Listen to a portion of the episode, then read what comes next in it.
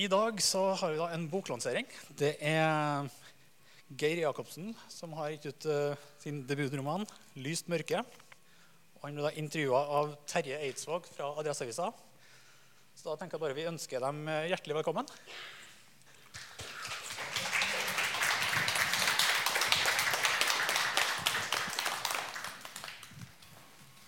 Ja, eh, endelig et uh, litterært arrangement med folk igjen. Eh, lenge, lenge, siden sist, for min del i hvert fall.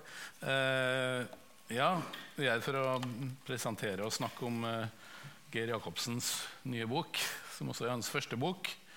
Eh, 'Lyst mørke'. jeg må innrømme at når jeg ble spurt om å lede denne samtalen, her, så ante jeg ikke hvem Geir Jacobsen var. Eh, en av grunnene til at jeg sa ja, var at jeg fikk høre at uh, han var fra Trondheim, og at boka her utspilte seg på 80-tallet med en del musikk i.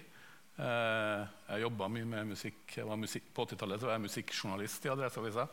Nå jobber jeg i kommentaravdelinga og, skri og skriver, er også filmansvarlig. Men, uh, men, jeg ble nysgjerrig på, på hvem Geir Jacobsen var, og hvordan denne boka var.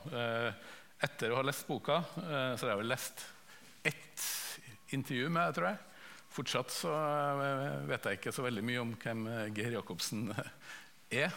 Eh, og det kanskje føles naturlig å starte med eh, om du bare kan fortelle litt om deg selv, og så eh, hvorfor kommer denne boka nå?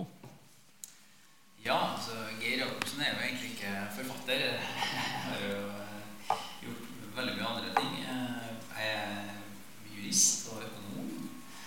Og har eh, drevet skrevet litt på, på si i, i, mange år, egentlig. Men uten noen sånn plan om å gi ut noen bok. Eh, det har aldri vært noe sånn helhetlig manus. Men så eh, fant jeg jo plutselig ut at jeg så en sånn statistikk om at den gjennomsnittlige nordmannen lever i 83 år eller noe sånt fant jeg at det var midt i livet. Og skulle man gjøre noe med det, så måtte man kanskje begynne å tenke på det. Så da satte jeg meg ned og skrev så Det er ikke så mye bløtt lenger, men uh, skrev så jeg sprudda og holdt på et år, da. Og, og gjorde ferdig da manuset til den her uh, Lyst uh, mørke. Og den er jo Vi kan snakke om det litt senere, men jeg syns den er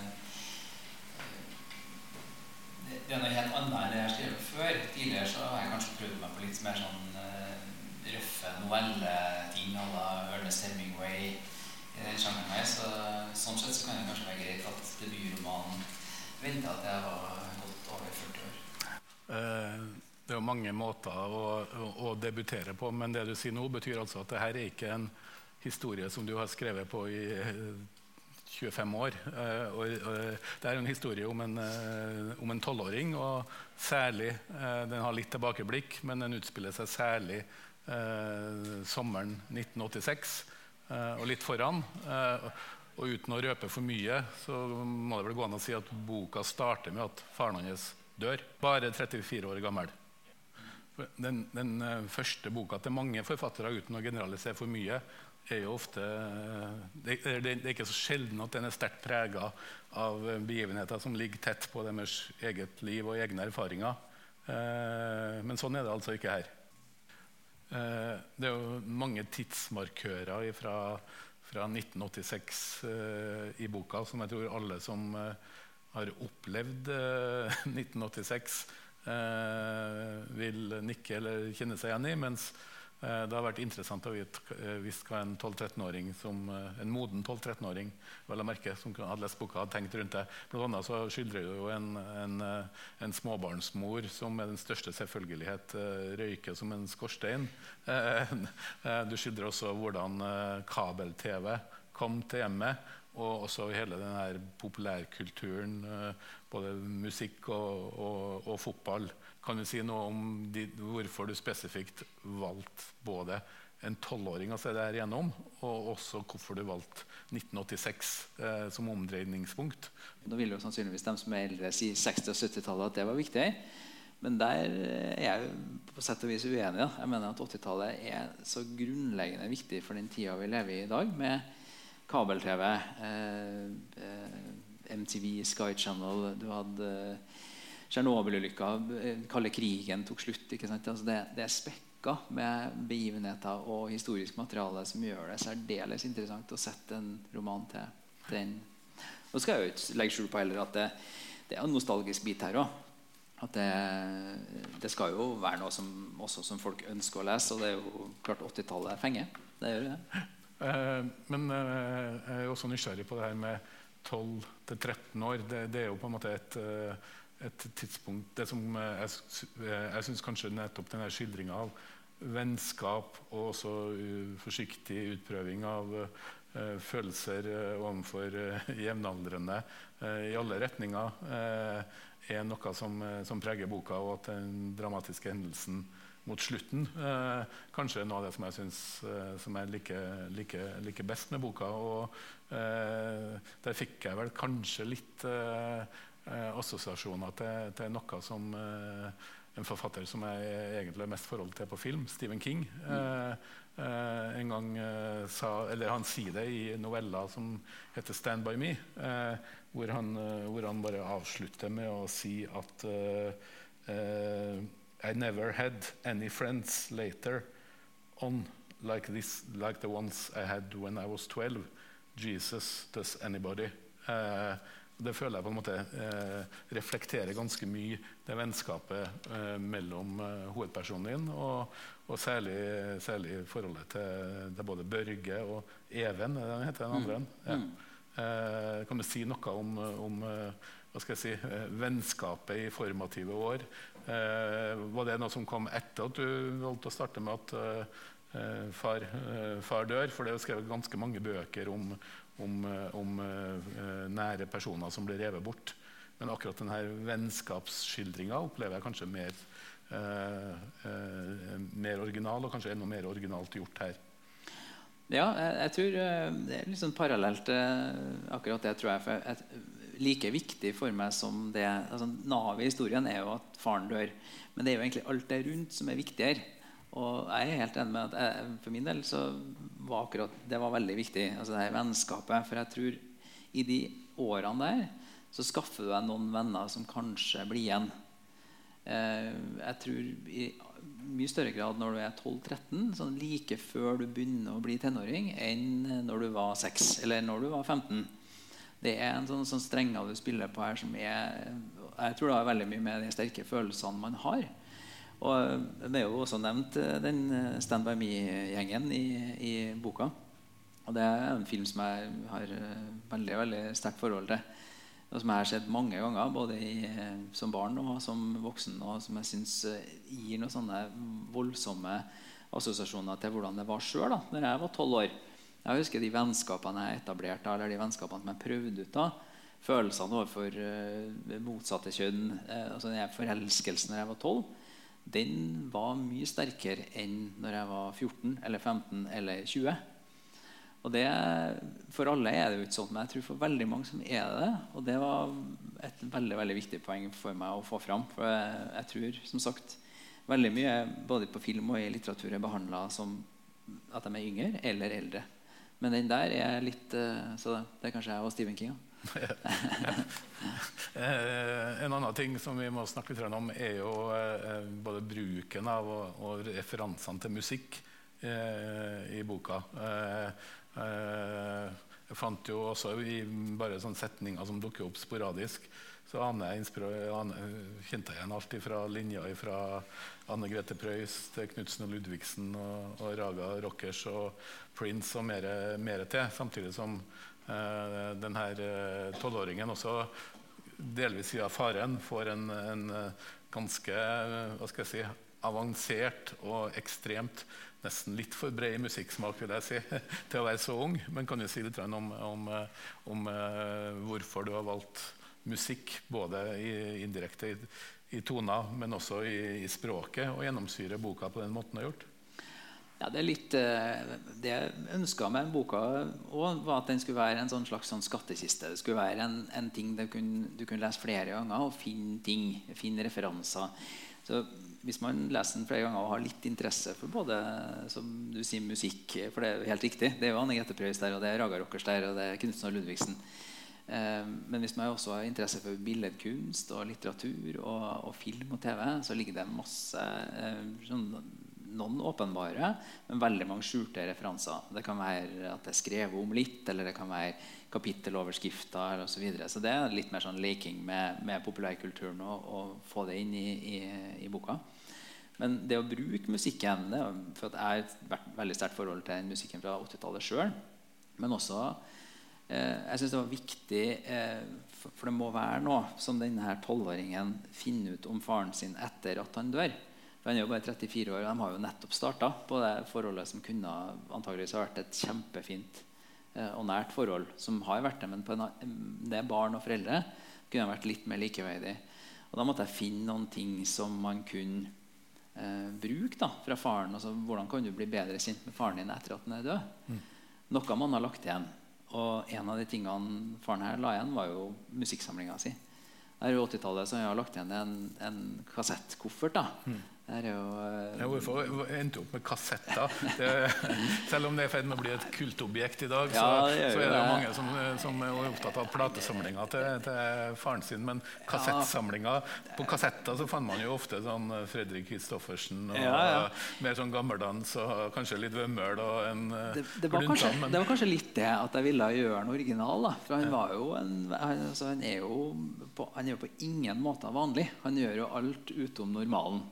Han, eh, ja, vi kan jo komme tilbake til det, men, men da er jo kassetter. Han er jo I stedet for å ha den klassiske LP-samlinga som enhver musikkinteressert ville ha hatt på 80-tallet, så velger han kassetter. Og så spøker han jo litt med det her at han ønsker å ha med seg kassettsamlinga si på ferie. ikke sant? Og det er jo, Han får jo aldri det. Han har jo en, eh, en partner som er relativt annerledes enn seg sjøl. Men da tenkte jeg at og det, og det, føler jeg jo at den tolvåringen blir. blir jo mye mer kjent med faren sin med, med å høre på denne musikken. For faren har jo alt fra han har jo ABBA og Tom Waits. Ja, det, jeg synes jeg skal si Jeg synes jeg kan lese en liten bit som, som starter akkurat der når han går gjennom den uh, kassettsamlinga. Jeg bestemte meg for å sette i gang lyttingen på eieren sitt eget vis. Alfabetisk og systematisk til krampa tok minst ett av ørene mine. ABBA var første kassett inn. Tandberg takket ja, men allerede før Waterloo var halvspilt, hylte hodet mitt full stopp. Neste, vær så god. Heldigvis var det mange neste å ta av. I et virvar av syntetiske lyder viklet jeg meg inn i tonene til et alfavill som aldri ville bli voksne. David Bowie var så mye noe for seg selv at han fikk lov til å fylle ørene mine en hel formiddag. Phil Collins sang langt inni meg om mørke følelser som kom snikende på varme netter. Ingen hadde noensinne sagt så mye viktig på tre korte minutter som Robert Smith og The Cure. Pappa elsket Miles Davis. Jeg hørte Blue in Green og kjente på en ørliten forelskelse, jeg også. Jeg takket ja på en flekk til Depeche Mode sin invitasjon om en Black Celebration. Jeg gikk i krigen sammen med Mark Knopfler og Dye Straits. Jeg så Roger Moore jakte på Grace Jones mens Duran Duran danset inn i brannen. Dave Stewart og Annie Lennox viklet meg inn i en perfekt popdrøm. Fleetwood Mac laget musikk med nedre aldersgrense 30. Mamma sørget for et perfekt avbrudd. Fiks ferdig posemat bestående av en rykende varm amerikansk gryte. Jeg rakk så vidt å spise ferdig før jeg befant meg i New York i 1971 sammen med Marvin Gaye. Jeg krympet meg da en feiltagelse ved navn Grease fant veien inn i Tandberg. Olivia Newton-John og John Travolta pratet og sang i uskjønn forening. Musikaler hadde aldri vært, helt vært min tekopp. Ubehaget skyllet alltid over meg så snart noen plutselig og helt uten grunn brøt ut i sang. Heldigvis ble det straks bedre. Endelig fikk jeg lov til å suse, suse lydløst bråkende gjennom nattemørke Miami-gater i en hvit Ferrari Testarossa. Jan Hammer laget det perfekte lydsporet til noe jeg ennå ikke fikk lov til å se bare høre. In Excess var det tøffeste rockebandet i hele min lille verden. Aaron Maiden spilte den samme sangen gjennom et helt album. Michael Jackson var nesten like mye Michael Jackson som han var på MTV. Joy Division tok meg med ut i et kaldt, svart-hvitt britisk industrilandskap. Limal sang uendelig om Bastian som var på vei inn i Fantasia på Falkors rygg. Madonna bød på litt for mye av seg selv og litt for lite av alt annet. Jeg trakk for gardinene og lørdagsdanset til Blue Monday. Freddie, Mercurys høyeste toner trillet nedover ryggen min på Hot Space. Nina Simone sang langt inne i meg lenge etter at hun forsvant for seg selv. Bruce Springsteen sang sårt og hardt om lyset og mørket som lever side om side inne i oss alle sammen. Jeg lot ham synge både A- og B-siden. Talk Talk glemte aldri at det var i mitt eget liv jeg hørte på. Med tårer i øynene danset jeg i 3 minutter og 23 sekunder sammen med Ultravox. Jeg visste at pappa likte The Waterboys. Jeg trakk frem This Is The Sea og trykket play. På det andre sporet skjønte jeg noe av grunnen til at hobbyastronomen likte bandet. Jeg hørte The Hole of the Moon tre ganger på rad. Kofferten hoppet over X, men på Y bød den på Yasu og Alison Moyet, som sang lysende vakkert om den eneste ene. CC Topp spilte rett frem-rock som sikkert fungerte utmerket til sitt bruk. Tre damer med stort hår og bitte små bikinier inne i omslaget var helt enige. Så var det slutt. Kofferten snakket engelsk, og Z var siste bokstav ut. Yes, Der gikk du gjennom hele alfabetet, nesten. Det var hele. Så man burde jo selvfølgelig hatt en kassett med ecstasy òg, jeg. da, engelsk. Men, eh, men eh, for øvrig også veldig enig om at for min del Fleetwood Mac har en nedre aldersgrense på 30. Jeg tror jeg var over 40 før jeg klarte å uh, skjønne og like det. Men uh, her blir det jo veldig tydelig nettopp musikkens rolle. Uh, jeg er nøyaktig ti år eldre enn deg, og jeg husker jo 80-tallet veldig godt. Og jeg husker alle, alle som var litt eldre enn meg, snakka om hvordan musikken var mye bedre på 70-tallet enn på 80-tallet. Men når du ser spennvidde her, og også hører på den spillelista som du har laga eh, til, til, til, boka på Spotify, eh, som kan anbefales, eh, så oppdager man, da oppdager man jo at det er jo ikke bare innenfor politikk og samfunnsutvikling at 80-tallet er interessant, også når det gjelder når det gjelder musikk. Eh, I og med at eh, du nå eh, på en måte har innrømma at boka er egentlig ikke er noe spesielt selvbiografisk, så har du jo en stor fordel fremfor ganske mange andre debutanter, nemlig, eh, nemlig på en måte at du, du har ikke brukt opp din egen historie i den første boka. Eh, jeg blir jo nysgjerrig på har du, eh, du jobber som jurist, men når kommer neste bok? Nei, Det vet man jo aldri, men jeg skriver jo hele tida og har jo mange gode ideer. føler jeg selv, da, Og har et ganske bredt spenn på hva jeg skriver òg.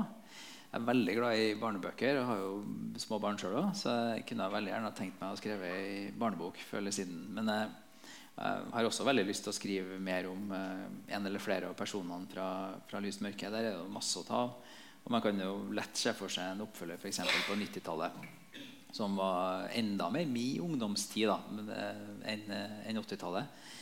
Men eh, det som ligger nærmest ferdigstillelse nå, er jo mer sånn avlegger av, av lyst mørke, som, eh, som, handler om helt andre tema, men noen som toucher borti. Og det, vi får se. I løpet av året her så skal jeg ha noe ferdig.